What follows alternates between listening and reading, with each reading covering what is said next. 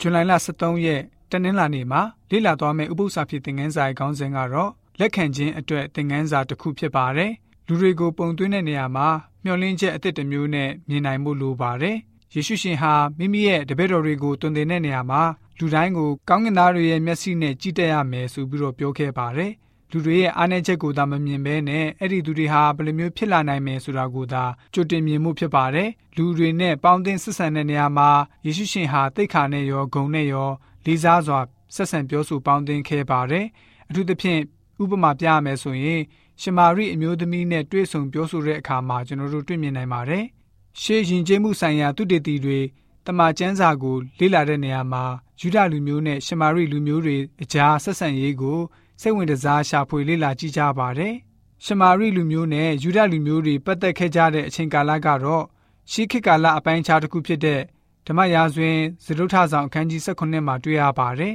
။ရှမာရိလူမျိုးတွေဟာမေသောပေါတာမိလူမျိုးကနေဆင်းသက်ပေါက်ဖွားပြီးတော့အဲ့ဒီလူမျိုးတွေဟာဣသေလပြည်ရဲ့မြောက်ပိုင်းနယ်အတွင်းမှာအတင်းဝင်ရောက်နေထိုင်တဲ့သူတွေဖြစ်ပါတယ်။ BC 922အချိန်မှာ အာရှုရိဘုရင်ကလာရောက်တိုက်ခိုက်သိမ်းပိုက်တဲ့အချိန်မှာစတင်ပါတယ်။အဲ့ဒီသူတွေဟာယာဝဲထောက်ရဖျားကိုရုတ်ထုနဲ့ရောနှောပြီးတော့ကိုးကွယ်ခြင်းဓလေ့ကိုကျင့်သုံးတဲ့သူတွေဖြစ်ပါတယ်။တမန်ကျမ်းစာရှေးခေတ်ကာလလေ့လာရေးမှတ်တမ်းစာအုပ်ဇုံနာဘန်ကနေ2005ခုနှစ်မှာပုံနှိပ်ထုတ်ဝေဖြန့်ချီခဲ့ပါတယ်။စာမျက်နှာ1929မှာတွေ့ရပါတယ်။ရုပ်တုကိုးကွယ်ခြင်းဓလေ့နဲ့ပတ်သက်ပြီးတော့ထက်လောင်းဖြစ်ဆွဲရမယ်ဆိုရင်သူတို့ဟာ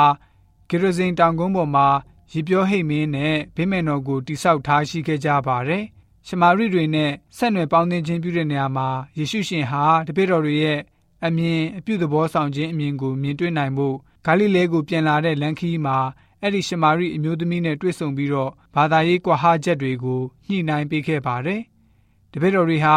ယေရှုရှင်ကနေဘာသာရေးအကြောင်းစကားအခြေတင်မရှိတာကိုတွေ့ရတဲ့အခါမှာအံ့အားသင့်ကုန်ကြပါတယ်။ ရှမာရိအမျိုးတန်တမျောလင်းလက်ရှိတဲ့အတိမတ်ပြုတာမေတ္တာထားတာခွင့်လွှတ်တာအဲ့ဒါတွေကိုဆိုလို့ရှိရင်ယေရှုရှင်ဟာကံလန်းပေးခဲ့ပါတယ်။ရှမ်းခရစ်ဝင်ခန်းကြီးလေးငယ်3ကနေ34ကိုယေရှုရှင်နဲ့ရှမာရိအမျိုးသမီးတို့စကားပြောကြတဲ့အကြောင်းအရာကိုတွေ့ရမှာပဲဖြစ်ပါတယ်။ယေရှုရှင်ဟာတပည့်တော်တွေနဲ့ကျွန်တော်တို့အားလုံးကိုသင်ကြားပေးစေလိုတဲ့သင်ခန်းစာကတော့ရိုးရိုးလေးပဲဖြစ်ပါတယ်။ယေရှုရှင်လိုသဘောထားရှိတဲ့သူမှန်သမျှလူတိုင်းလူတိုင်းကို ဖျားသခင်ရဲ့ကရုဏာမျက်စိတော်လိုအမြင်မျိုးနဲ့ကြည့်ရှုမြင်တွေ့ဖို့သာဖြစ်တယ်ဆိုပြီးတော့ဝိညာဉ်တော်စာဆောင်ဖြစ်တဲ့ The Science of the Times 1892ခုနှစ်ဇွန်လ20ထုတ်စာဆောင်မှာတွေ့ရပါတယ်။ကျွန်တော်တို့ရဲ့ပတ်ဝန်းကျင်မှာအသက်အဝင်ရင်ကျင်းမှုနဲ့အယူဝါဒမတူတဲ့သူတွေကိုလိလူရှုရှောင်ကျင်ပြီးတော့အထင်သေးတာမျိုးတွေရှိပါသလားပြန်လည်ပြီးတော့စဉ်းစားသုံးသပ်ပါ